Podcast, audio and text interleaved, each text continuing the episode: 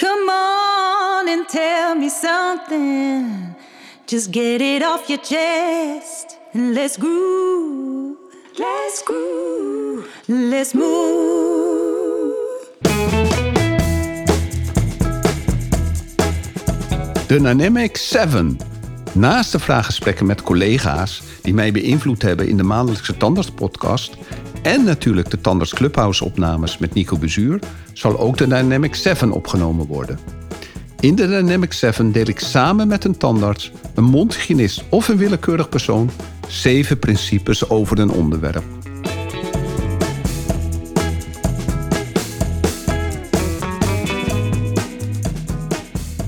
Dit keer een gesprek met Evelien van Leeuwen en Sebastiaan van Wermerskerken. Het hoofdthema is duurzame inzetbaarheid.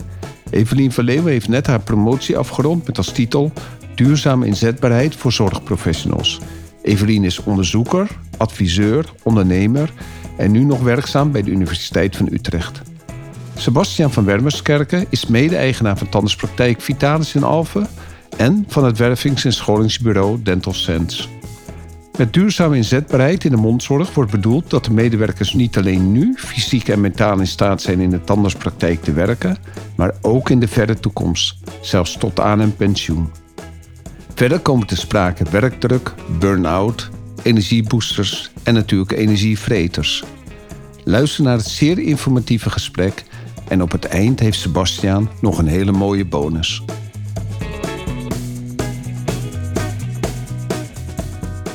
Nou, hartstikke leuk. Ik heb uh, vandaag uh, weer twee nieuwe mensen in de Seven Dynamics. En één iemand komt echt uit de tandheelkunde. En de ander die heeft raakvlak met de tandheelkunde. Uh, met, met Evelien te beginnen. Evelien is net klaar met een promotieonderzoek duurzame inzetbaarheid. En in het voorgesprek was het zo dat uh, was ik met uh, Evelien aan het praten. En uh, zij kan duurzame inzetbaarheid heel snel zeggen. En dat kan ik nog niet. Maar zij, dus, zij, heeft de promotie af, afgerond. Duurzame inzetbaarheid voor zorgprofessionals. En de ander is Sebastiaan van Wermerskerken van Dental Sense. Mede-eigenaar van Vitalis in, in Alphen. En natuurlijk eigenaar samen met Robert, die iedereen wel kent van Dental Sense zoals jullie weten is de Seven Dynamics gaan we het over de punten hebben. Die uh, gaan we het, meestal is het in zeven punten. Gaan we het in zeven punten gaan we het opdelen. En ik denk dat Evelien het meest aan het woord zal zijn. En Evelien, uh, natuurlijk alles valt en staat op dit moment in de, in de zorg met burn-out. Overal hoor je burn-out, burn-out, burn-out. En ik denk dat jouw promotieonderzoek daar echt mee te maken heeft gehad. Klopt dat? Ja, ja, dat klopt. Um, ik kijk vooral eigenlijk naar hoe kan je het voorkomen. Dus hoe zorg je ervoor dat mensen juist positief over hun werk denken. Dus de term burn-out probeer ik te vermijden. Maar in de kern gaat het wel over hoe zorg je dat, dat medewerkers en specifiek professionals in de zorgsector aan het werk kunnen en willen blijven. En hoe voorkom je eigenlijk die burn-out? En ja, naast burn-out zien we natuurlijk ook personeelstekorten die dat onderwerp nu extra relevant maken.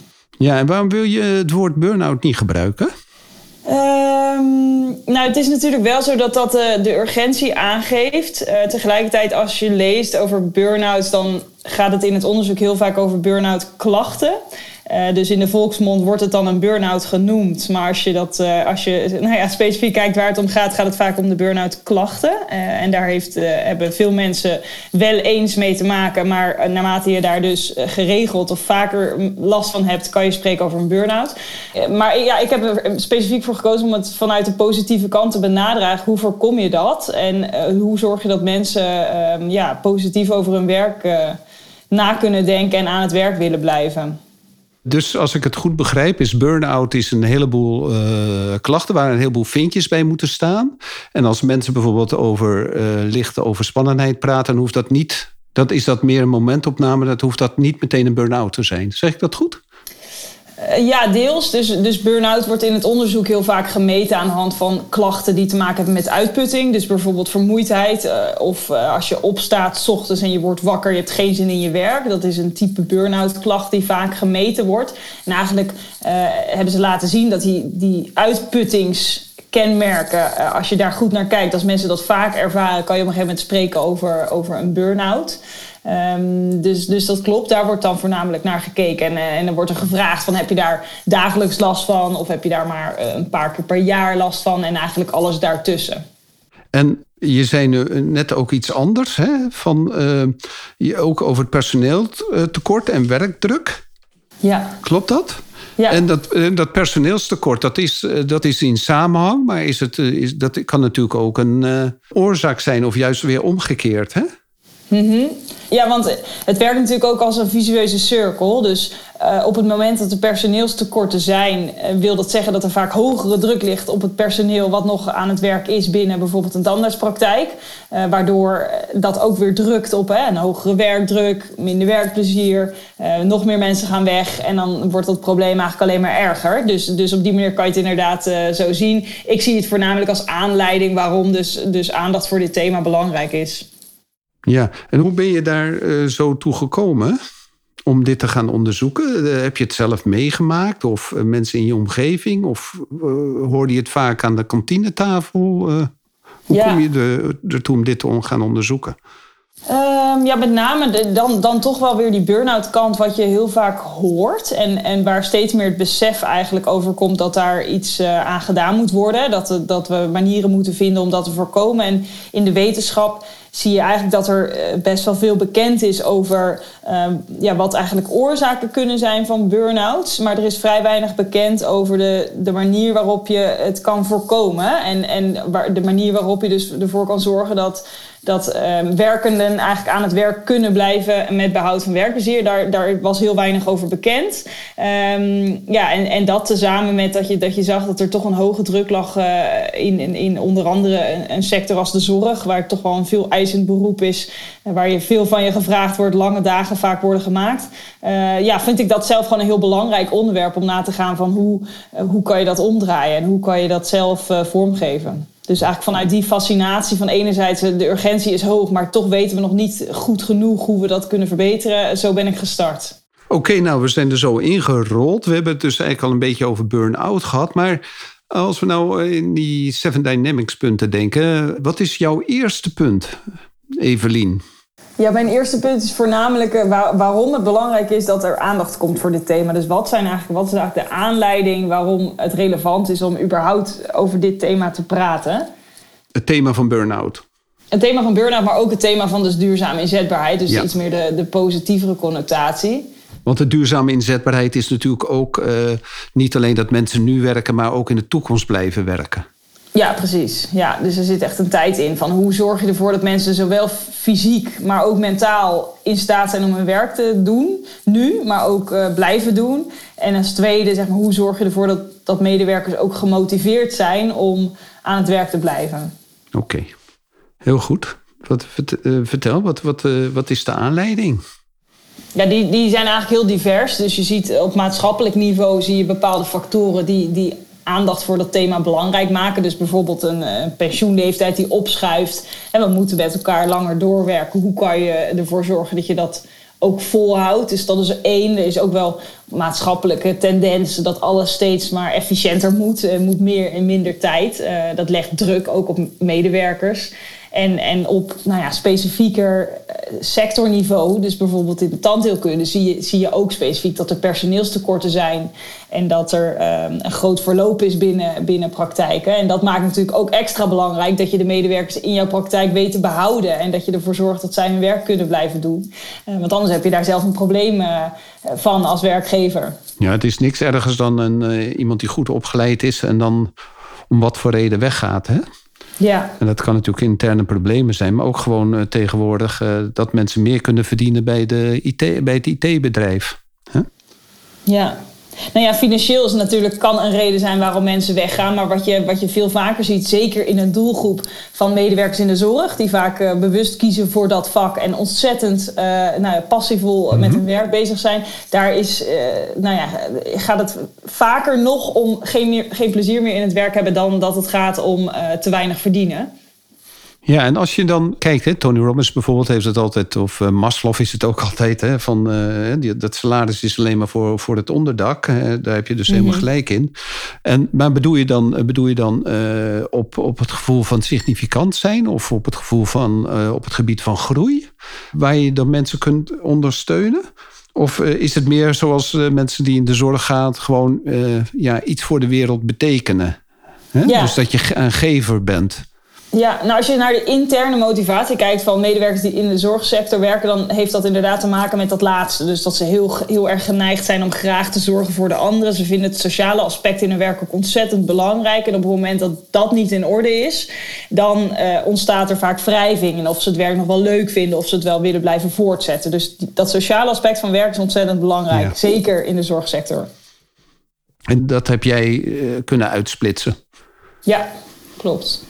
Oké, en dat, dat heb je toen gedaan met. Uh, uh, je had het uh, al in het voorgesprek over de vragenlijsten.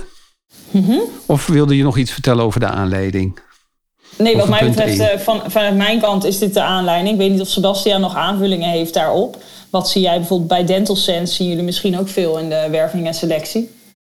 Als wij een interview doen vanuit Dental Sense, maar ook vanuit mijn ervaring als manager in een hondzorgpraktijk, zie je dat, dat een bepaalde groep, uh, nou ja, ook, en ik denk ook dat dat bij ons het antwoord, uh, dat antwoord gegeven is, van hou ik dit werk vol tot mijn 67ste? En op het moment dat iemand die vraag gaat stellen, is natuurlijk is die persoon ook wel een beetje om zich heen aan het kijken. En, en dat, heeft, dat heeft denk ik een aantal, een, een, aantal redenen. Hè, dat bij, bij preventieassistenten Bijvoorbeeld is het vaak ehm, toch wel hetzelfde werk, jarenlang. Hè. lichamelijk is het zwaar. Uh, maar ook de, aard van het, van het, van het werk. Uh, en ik denk dat het heel goed is voor, nou, als werkgever om juist te weten waarom uh, iemand twijfelt aan, aan het doorwerken tot zijn 67 in, in jouw praktijk of überhaupt in het vak. En als je die vragen, eh, als je dat antwoord weet van, van die medewerker, kan je er denk ik op, op inspelen. Dus uh, dat was voor ons aanleiding ook om, om te starten met, met Evelien. Ja. Evelien, de, hoe heb je dat in beeld gebracht, Evelien? Ja, we hebben een onderzoek uitgevoerd uh, bij 165 ja, mondzorgprofessionals met een uh, vragenlijst. En waarbij we eigenlijk op hebben gehaald van hoe ervaren uh, die professionals hun werk. En hoe ervaren ze nou ja, werkuitkomsten, zoals duurzame inzetbaarheid, maar bijvoorbeeld ook tevredenheid met het werk. En in die vragenlijst zagen we terug dat die, dat die ingevuld is door een diverse groep professionals in de mondzorg. Dus zowel tandarts, maar ook mondhygiënisten, preventieassistenten, tandartsassistenten. Um, en zelfs wat medewerkers die achter de balie zitten. En, en daarin krijg je, krijg je een mooi beeld van hoe wordt het werk eigenlijk ervaren. En wat kwam eruit?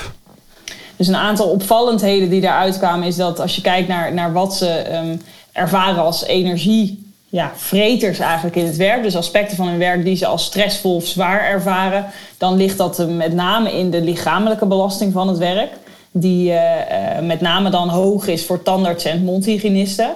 En ook uh, als je dat zou vergelijken met bijvoorbeeld andere beroepsgroepen zoals medisch specialisten, ligt het voor deze doelgroepen significant hoger. Eh, dus een groot deel ervaart daar toch wel last eh, van te hebben. Iets anders wat opvalt is dat een groot deel twijfelt of hij zijn pensioenleeftijd gaat halen. Dus wat eh, Sebastian net in het voorbeeld gaf, wat zij zien, dat zien we ook in die cijfers terug. Dus we zien dat 55% van die 165 medewerkers die meededen aan dit onderzoek twijfelt of die de pensioenleeftijd wel werkend gaat halen. Dus dat, dat is echt een ontzettend groot, groot deel die dat niet zeker weet.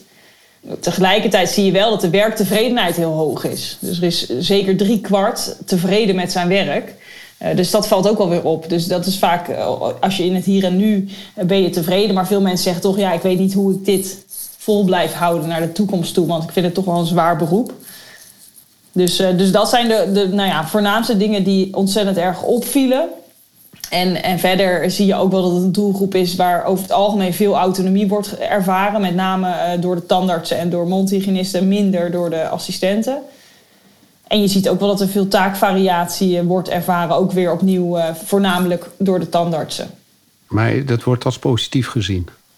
Dat wordt als positief gezien. En, en taakvariatie en, en ook autonomie, dat zijn ook wel ehm, ja, voorwaarden om bepaalde veranderingen in gang te zetten. Dus, dus we gaan het straks nog uh, hebben over hoe kan je er nou voor zorgen dat je tevreden in je werk blijft. Hoe kan je ervoor zorgen dat je duurzaam inzetbaar blijft. Wat weten we vanuit de wetenschap daar specifiek over. En dan is eigenlijk een voorwaarde daarvoor is dat je ook de ruimte hebt, dus de autonomie hebt om bepaalde dingen in je werk uh, zo aan te passen aan wat jij graag wil en wat je leuk vindt en waar je goed in bent. Je zei ook net dat er een verschil was tussen de medisch specialisten en tandartsen. Mm -hmm. uh, dat, dat, uh, ik vind medisch specialisten ook altijd zo hard werken. Ja, ja, er zit een, als je echt kijkt naar hard werken, dus als je dat uit zou drukken in het aantal uren dat je in een dag werkt, dan ligt dat bij medisch specialisten um, significant iets hoger dan, dan bij tandartsen. Uh, en, en nog hoger bij dan de andere doelgroepen in de mondzorg. Maar dat laatste heeft ook te maken met dat medisch specialisten vaak niet part-time werken en dat in, uh, in andere beroepen soms vaker gebeurt. Maar met tandartsen zie je wel vergelijkbare cijfers qua, qua ja, aantal werkuren, die dan bij medisch specialisten iets hoger ligt.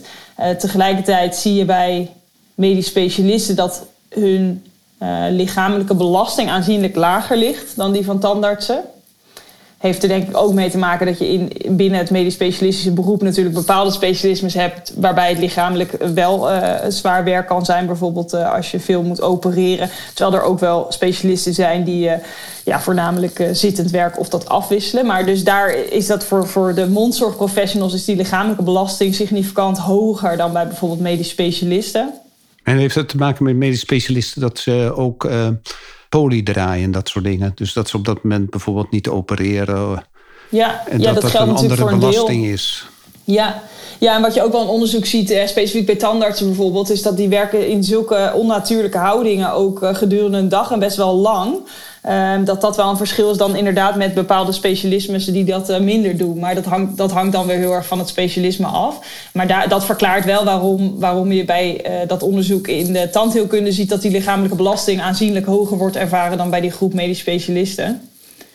Dus dat is een groot verschil. Maar als je echt naar, kijkt naar werkdruk, we hadden het net over werkuren, maar je kan ook kijken naar, naar werkdruk uh, en de ervaren werkdruk. Dan zie je ook weer dat medisch specialisten aangeven dat die wel weer hoger ligt. En is, dat een, is er een diepere laag daarvoor? Waarom dat, omdat ze dat zo ervaren?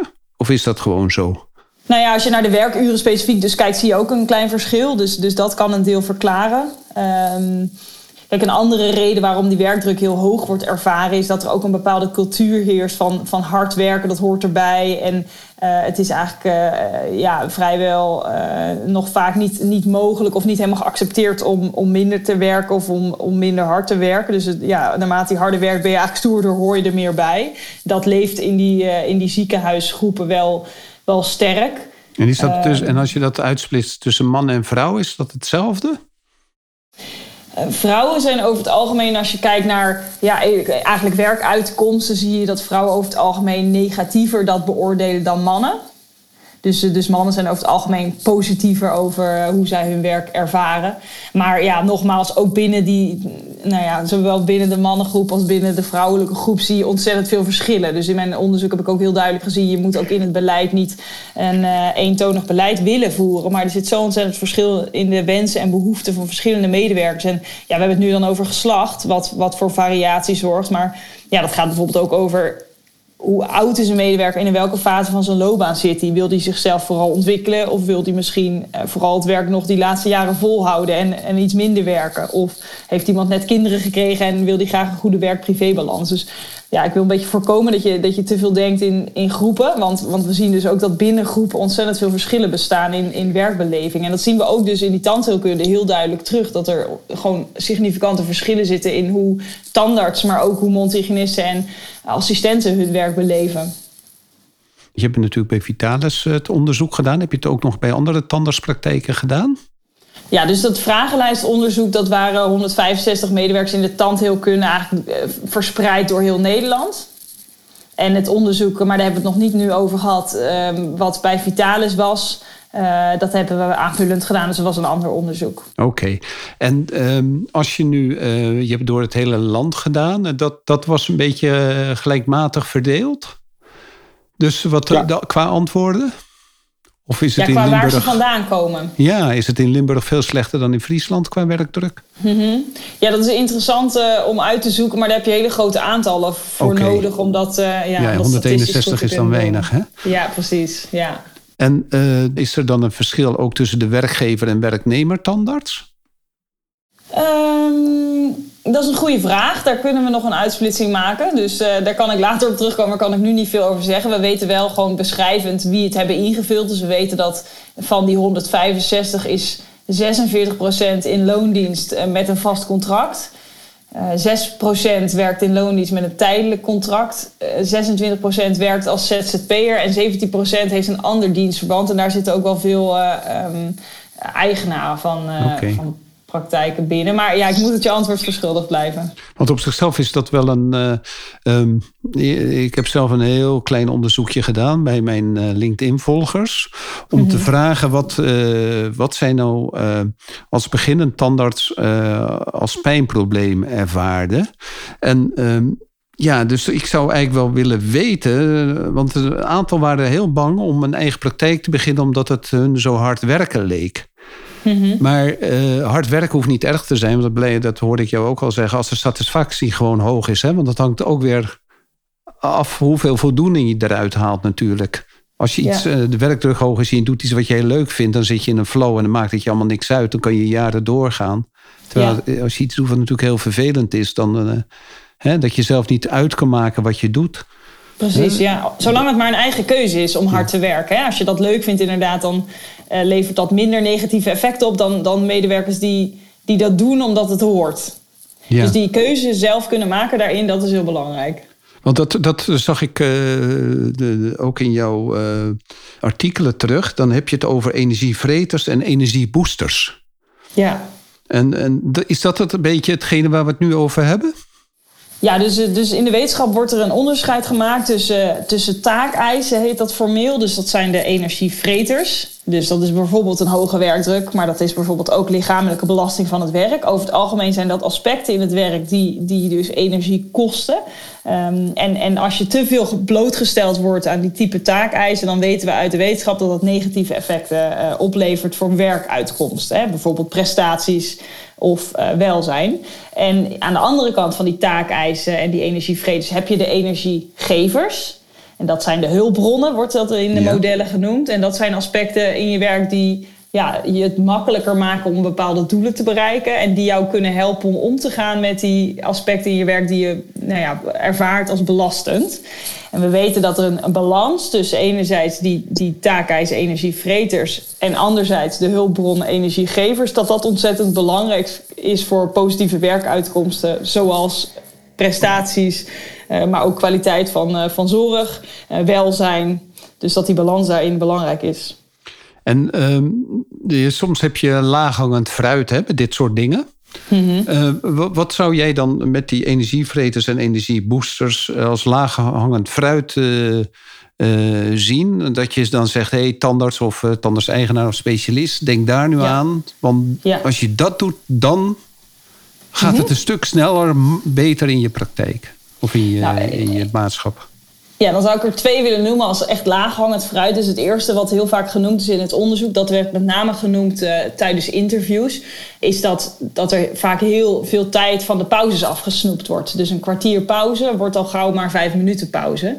Terwijl een pauze een ontzettend belangrijk herstelmoment is en oplaadmoment om vervolgens er weer tegenaan te kunnen gaan. Dus op het moment dat je die pauzes inkort, dan heeft dat niet alleen, eh, dan lijkt het misschien efficiënter, want het werk is af voordat de pauze eh, gehouden wordt. Maar uiteindelijk zie je dat iemand dan ook minder goed hersteld is op het moment dat hij weer start aan zijn werk. En dus uiteindelijk aan het eind van de dag minder productief is dan iemand die wel een fatsoenlijke pauze eh, ja, krijgt en mag houden. Dus dat, dat is mijn advies één. Dus die pauzes zijn ontzettend belangrijk om eh, dat, nou ja, die balans eigenlijk te krijgen tussen inspanning en ontspanning. Dus, dus bewaak die pauzes. Zorg ervoor dat daar niet continu structureel tijd vanaf eh, wordt gesnoept.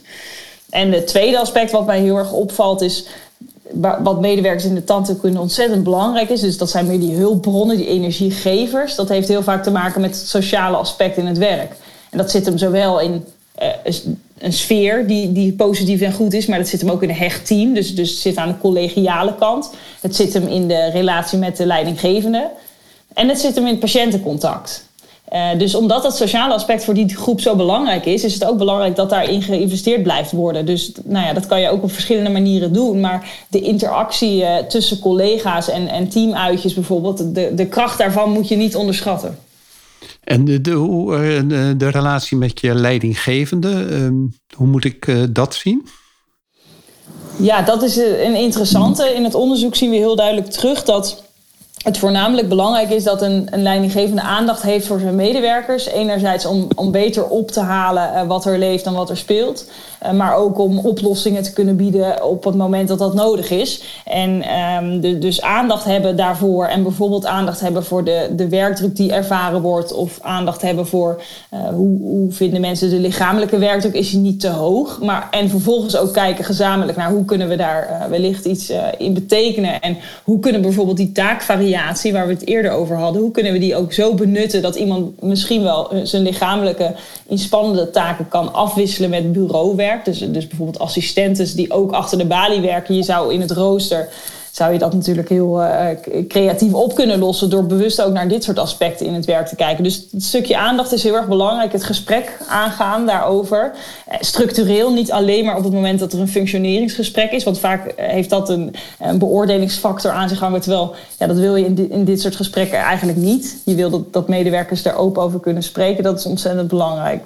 Dus er moet de werkgever op dat punt proactief zijn en er moet genoeg vertrouwen zijn bij de werknemer om proactief dat ook aan te kaarten.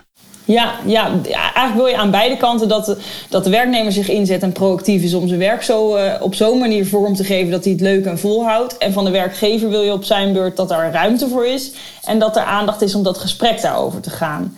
Nou, ik denk dat, ik, ik denk dat dit ook juist de functie is van, van een praktijkmanager. Hè, zeker bij de grotere praktijken, dat je zorgt dat personeel gehoord wordt. Hè, en, voelt dat ze mee mogen denken. En dat, nou, dat ze gehoord voelen en dat ze mee mogen denken oh, om, om dit soort problemen op te lossen. En ik denk dat eh, waar Evelien ook op doelt, is, eh, nou, dat heb ik veel gehoord bij assistenten uh, door heel Nederland heen, is natuurlijk door de coronamaatregelen, waardoor sociale activiteiten ja, in sommige perioden gereduceerd werden tot nul. Mhm. Dat ze echt de aansluiting misten met, met, met collega's. En op het moment dat er weer borrels kwamen, dat, dat werkelijk waar de, de hele sfeer veranderde. Ik, ik weet niet of, of jij dat zelf hebt gemerkt. Ik ervaar dat zelf, ja. Ja, ja. ja. En, en uh, ik heb het trouwens ook ervaren, maar ik hoor dat door heel Nederland. Van, uh, uh, als je dan. nou, we zijn laatst met een groep tandartsen bezig skiën als je dan praat met die tandarts, zegt, nou heerlijk, die, die, die regels zijn eraf. Nou, ik, ik heb een hele andere assistente.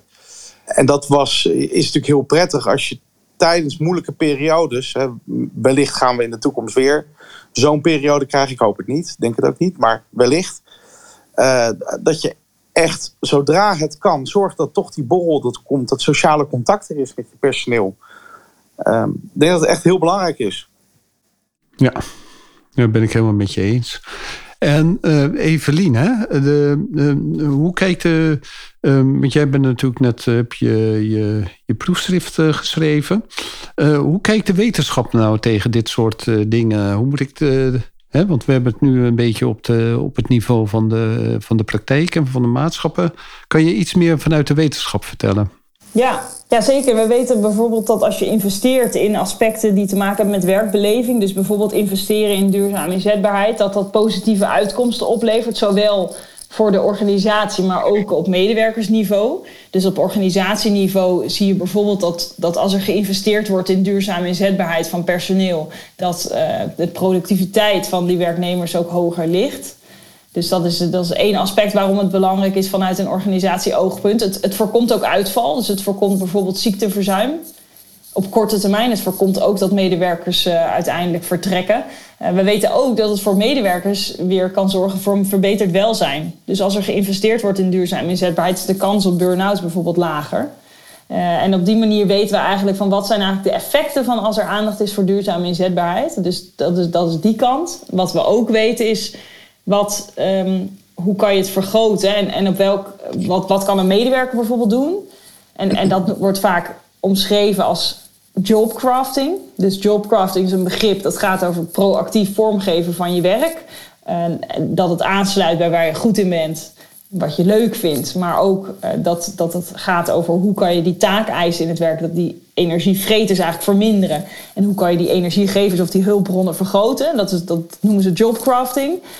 En eh, nou ja, we weten dat als je medewerkers daarin traint, in hoe ze dat kunnen doen, dat ze het ook meer gaan doen. Dus ze worden er ook proactiever van. En, en, we weten vanuit de wetenschap dat de werkgever daar dus een rol in kan hebben, waar we het net over hebben gehad. Heel goed. En uh, nog even over die duurzame inzetbaarheid. Hè? Mm hoe, hoe kan je dat nou, uh, want uh, voor mij is het een heel nieuw woord. Hoe ja. zou je dat nou het beste, hoe, als ik nou morgen zeg, ik had onverwachts een, een clubhouse met, met Evelien. En ze had het over duurzame inzetbaarheid. Hoe kan ik dat nou, zou ik nou dat het best kunnen vertalen naar ja. haar toe? Ja, het gaat eigenlijk over het aan het werk zijn en dat kunnen en willen. Hè, dus gemotiveerd zijn en bereid zijn om dat te doen. Eh, nu en in de toekomst. Ja. Dus het is, het is meer dan alleen werktevredenheid. Bijvoorbeeld werktevredenheid gaat over dat je, dat je nu tevreden bent met het werk dat je uitvoert. Terwijl duurzame inzetbaarheid gaat ook over dat je dat in de toekomst nog steeds ja. bent. Ja, en dat, dat is die, die duurzaam. Dat is Precies. toekomstgericht. Ja, ja. ja. Ja. Oké. We hadden het net al over die werknemer duurzame inzetbaarheid. En je had uh, en de, de werkgever zelf, hè, die, um, mm -hmm. die, die, die moet natuurlijk proactief zijn naar zijn werknemers toe. Maar hoe kan een werkgever voor zichzelf duurzaam inzetbaar zijn? Wat zou je nou, uh, ja. wat zou je nu zelf de, de, de werkgever adviseren? Ja, eigenlijk zijn daar dezelfde principes eh, van op toepassing als voor werknemers. Dus ook voor die werkgever is een gezonde balans tussen energievreters en energiegevers ontzettend belangrijk voor zijn productiviteit, voor zijn welzijn. Dus dat is, uh, dat is het eerste. Dus eigenlijk gelden dezelfde principes. Uh, tegelijkertijd is het voor een werkgever die um, nou ja, vanuit zijn rol aandacht voor de ander heeft, extra belangrijk dat hij ook aandacht voor zichzelf heeft. Want als je niet goed voor jezelf zorgt of je, of je hebt het voor jezelf niet op orde, kan je ook niet um, voor die werknemers goed zorgen. En, en een laatste wat belangrijk is, maar dat leeft ook wel uh, bij medewerkers. En, en met name zie je dat dus met echt professionals in het vak. Uh, die heel erg gewend zijn om vakinhoudelijk opgeleid te zijn. Daar zie je eigenlijk dat, het, dat ze het vaak ontzettend lastig vinden om zich bezig te houden met dit soort thema's. Zoals werkbeleving of duurzame inzetbaarheid. Omdat de focus altijd ligt op uh, goed zijn in je vak. En je daarop ontwikkelen. Dus, dus als je het hebt over ja, waar, waar is scholing op gebaseerd, dan is dat eigenlijk zowel van, van opleiding tot, tot opleiding of trainingen gedurende het werk, is vaak toch nog gefocust op de ontwikkeling en verdieping op inhoudelijk vlak. En dat is natuurlijk ontzettend belangrijk, maar zeker in een tijd waarin er heel veel van medewerkers gevraagd wordt, is uh, ondersteuning en nadenken over hoe je alles inregelt en hoe je bijvoorbeeld een gezonde werk-privé-balans creëert, dat wordt ook steeds belangrijker om je werk uh, te kunnen blijven uitvoeren. Dat is niet alleen het inhoudelijke vak. Maar ik, ik denk ook dat praktijkeigenaar zijn, dat is gewoon een druk leven. Hè? Mm -hmm. je, hebt, je hebt eigenlijk, nou ja, zoals Elmar en ik het willen zeggen, naast als je tandarts bent dan, en naast je werk heb je nog je werk, zeg maar. En dat is het, het aanhoren van en het coachen van, van medewerkers. Terwijl je al eigenlijk een hele dag eh, aan de stoel hebt gestaan. Ja. Um, en en, en uh, dan draai je als je dat, als je, uh, nou, Ron, wellicht herken je dat, maar als je als standaardstand praktijkeigenaar kan je zomaar 12 tot 14 uur aan het werk zijn. En dat zou helemaal niet gek zijn, want je eet wat en, en s'avonds ga je de mails en de administratie doen van de praktijk. Of je hebt dat gesprek met die medewerker of je bent op zoek naar die medewerker. Je bent het rooster aan het uh, invullen. En ik denk als je zo hard werkt, uh, wat Evelien eerder zei, onnatuurlijke houding, maar ook per vierkante millimeter zit je heel precies goed werk af te leveren. Dat daar ook echt goede, goed, een goed conditie bij hoort en ook goede voeding bij hoort.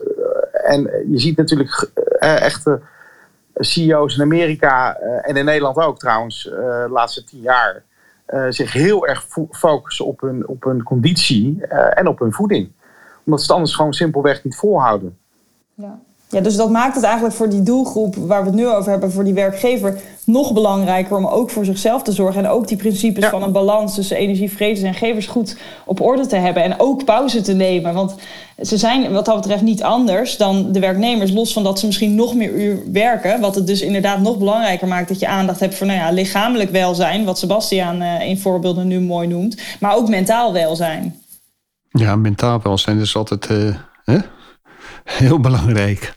Dat, ja. Eh, de, lichaam, fysiek kan je vaak nog wel herstellen, maar als dat, ja, dan begint die, daar begonnen we mee, hè, de burn-out. Hè? Ja, het is vaak toch de, het, het mentale gedeelte, toch? Ja. Hoe ervaar je de werkdruk? Hoe, hoe, wat is de ervaring van wat je, hè? wat zijn de feiten en hoe kijk je er tegenaan? Hè? Ja. Nou ja, ik denk, ik denk ook, en, en om nog in te pluggen op de medewerker, hè, soms, als ik even kijk naar mondhygiënisten of PA's, wordt er natuurlijk heel erg van sommigen verwacht van doe alle patiënten binnen een half uur. Mm -hmm. Sowieso met patiënten, ik noem maar even PPS 2, 3, uh, lijkt me dat heel erg lastig. Uh, dan wel niet onmogelijk. Uh, maar in sommige praktijken is dat wel zo. en die tandarts zweert daarbij.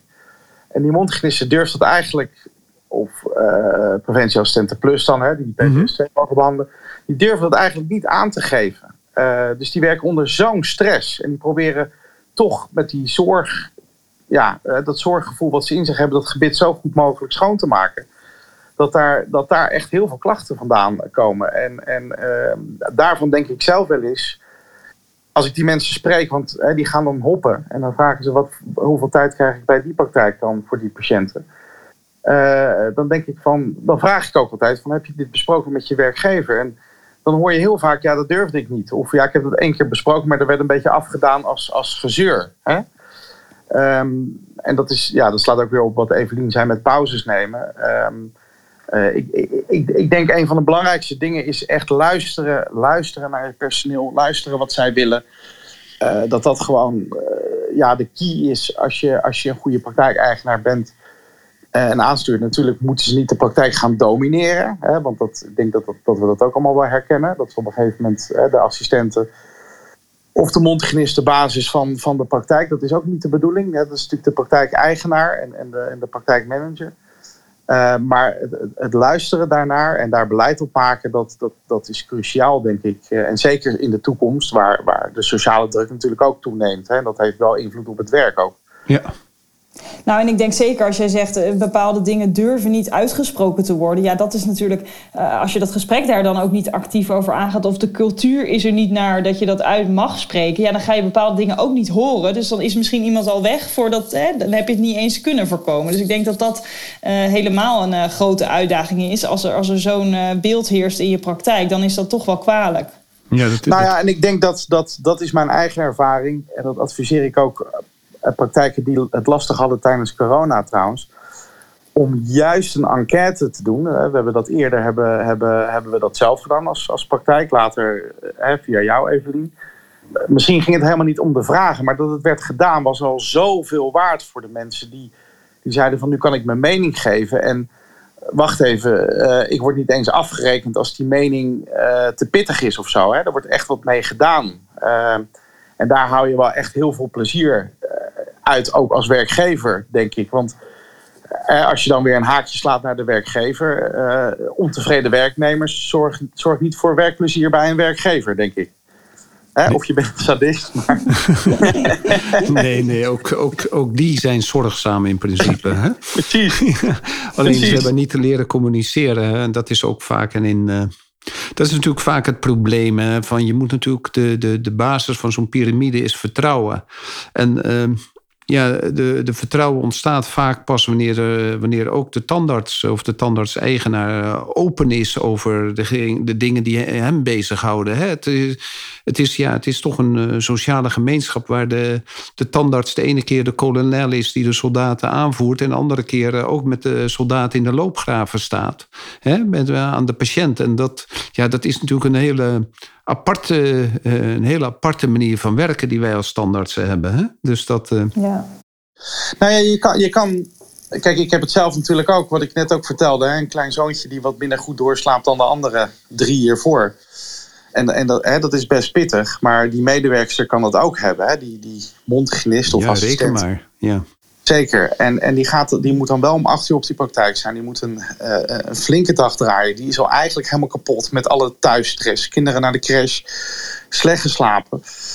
Um, dat, dat, zorgt natuurlijk voor een bommetje. Hè? En, en, en soms helpt het als je echt met zo iemand in gesprek en dat signaleert. Dat vind ik zo belangrijk van een manager. Signaleer dat soort, dat soort hè, gedrag. Als iemand, als je weet van, je weet natuurlijk, die is net vader of moeder geworden. Let extra op die mensen, want die kan je beter iets eerder naar huis sturen. Of, of roostertechnisch daar wat mee doen dan dat ze uh, uh, ja, uh, uiteindelijk gewoon langdurig ziek worden. Ja, dat is natuurlijk ook zo.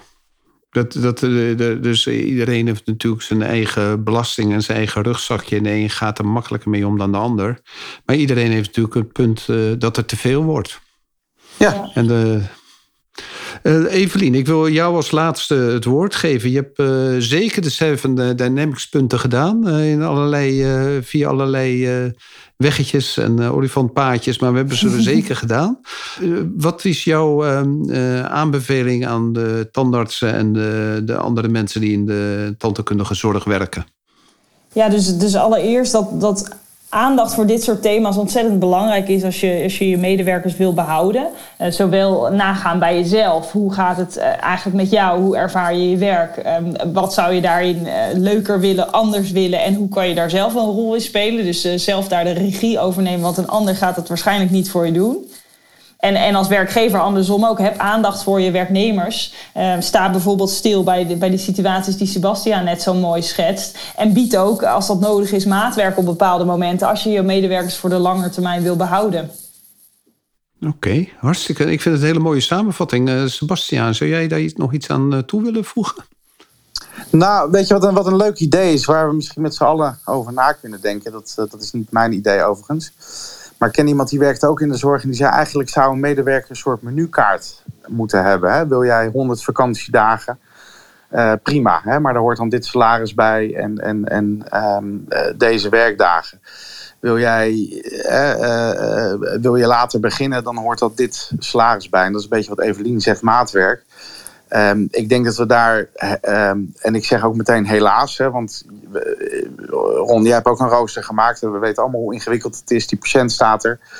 Uh, maar ik denk dat we daar wel flexibeler mee om moeten gaan in de toekomst. Omdat, het, uh, omdat er gewoon te veel druk ligt uh, op de zorg.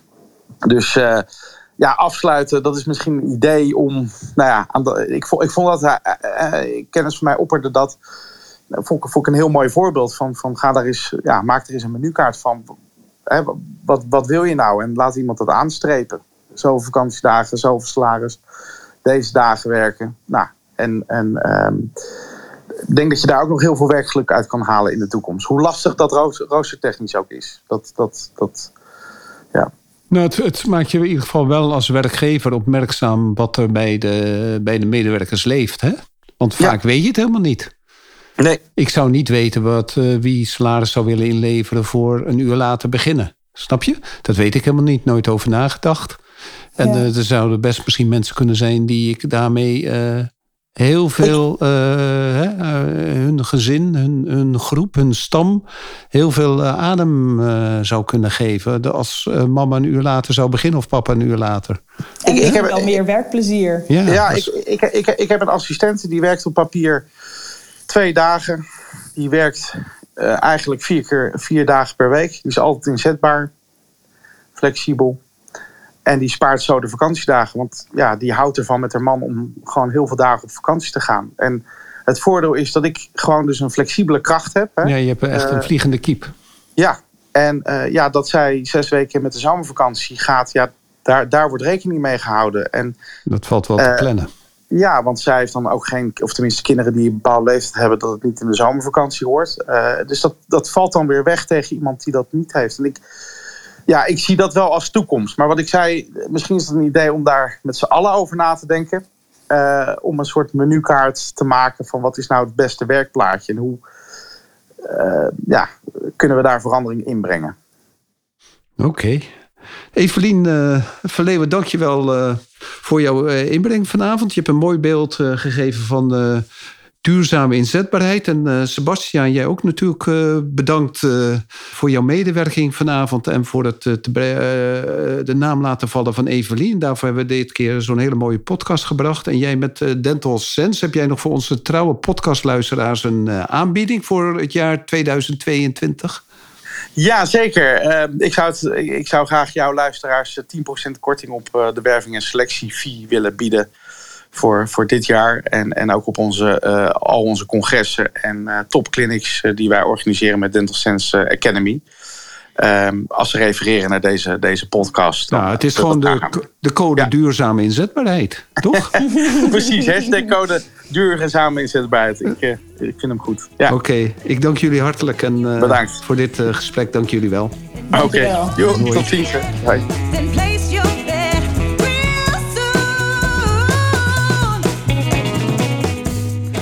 Super dat je weer luistert naar een aflevering van de Tandarts Podcast. Ik zou het zeer op prijs stellen als je een review achter zou laten. Je kunt je ook abonneren op deze podcast. Klik dan in de podcast-app op de button subscribe en je ontvangt automatisch een berichtje bij een nieuwe aflevering. Ken je iemand die deze podcast ook leuk zou vinden? Deel deze dan. Via Spotify kan je dat heel simpel door op de drie puntjes te klikken en te delen. Je kan mij ook bereiken via mijn LinkedIn-account. Ik ben te vinden onder mijn naam Ron Steenkis. Nogmaals, dankjewel en tot de volgende keer.